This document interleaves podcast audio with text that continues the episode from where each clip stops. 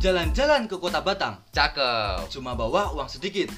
Selamat datang di Potsit. Ya, terima kasih Mas Dimas sudah memberikan sedikit pantunnya yang Oke, sama-sama. Ya, sama-sama.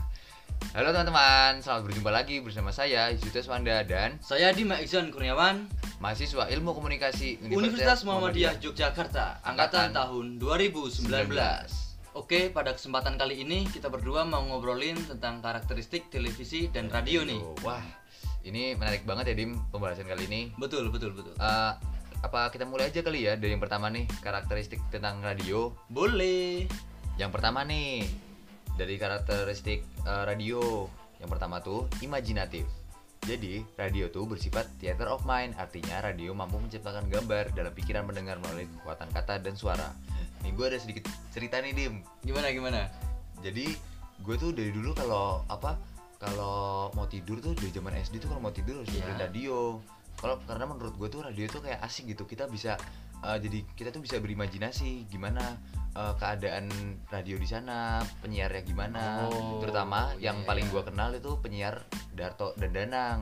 Nah setelah dia akhirnya masuk TV jadi gue lebih ngerti, wow kata orangnya gini. Walaupun terkadang malah jadi di luar ekspektasi gue kalau mukanya bakal kayak gini atau Oh. uh, kepribadiannya bakal kayak gitu. Oke, oke, lanjut lanjut. Lanjut.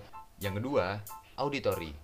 Pendengar tidak akan dapat mendengar kembali informasi yang tidak jelas diterimanya karena ia tidak bisa meminta kepada komunikator atau penyiar untuk mengulang informasi yang hilang kecuali ia merekamnya. Jadi kalau kita udah dengar sekali ya Mau nggak kita- mau harus mau harus ingat Iya, gitu ya benar. Kita masuk ke ketiga, akrab atau intim. Jadi kalau kita dengerin radio tuh kita masih bisa melakukan aktivitas lain selain dengerin radio. Kita misalnya memasak atau sambil baca buku atau sambil ngerjain Hmm, tugas. iya, iya. Disambi gitu ya Iya. bahasa Jawanya. ah.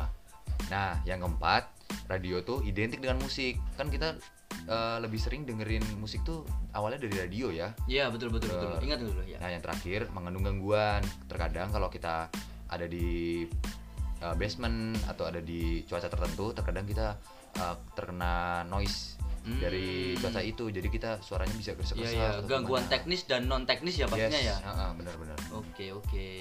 Oke, kita langsung masuk yang kedua yaitu karakteristik televisi. Yang pertama yaitu audio visual. Jadi di sini eh, televisi itu memiliki suara dan juga gambar atau bisa didengar dan juga dipandang. Kemudian yang kedua itu berpikir dalam gambar. Di sini ada dua tahap yang bisa dilakukan dalam proses ini. Yang pertama, visualisasi yaitu menerjemahkan kata-kata yang mengandung gagasan yang menjadi gambar-gambar. Kemudian yang kedua, penggambaran, yakni kegiatan merangkai gambar-gambar individual sedemikian rupa sehingga kontinuitas mengandung makna tertentu. Nah, kemudian di sini televisi itu juga memiliki kekuatan-kekuatan atau kelebihan-kelebihan dibandingkan dengan radio Yus gitu. Oh, gitu. Lu lu ada ini gak sih ada apa, Apa? pengalaman buat televisi tuh gimana? Oh, kalau pengalaman seingat aku pas dulu kecil. Jadi ya. pas SD dulu sebelum berangkat sekolah pagi-pagi selalu tuh nonton TV ada acara SpongeBob. Oh iya, Spongebob. Terus Rudi Tabuti apa itu? Rudy Chuckzone. Ah, Chuckzone itu.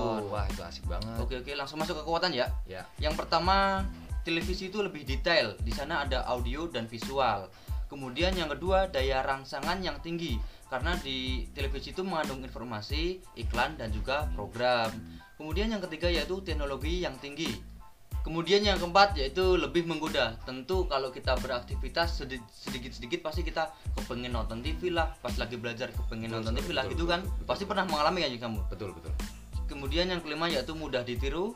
Yang keenam jangkauan lebih luas secara regional, nasional dan internasional gitu Yus. Wah, jadi gitu ya, Dim. Iya, berarti betul, bisa, betul. Berarti bisa disimpulkan karakteristik televisi itu uh, lebih kompleks ya dari radio ini. Nah, iya betul kayak gitu Yus Ah. maksudnya Yus. Betul betul betul. Oh, by the way, Dim. Iya, kan ini kita mau uh, tutupan nih. Ah, ah. Gue ada pantun sedikit nih. Oh, juga nyiapin pantun buat penutupan. Oh, yoi dong. Oh, sikat, Bro. Siap. Gimana nih?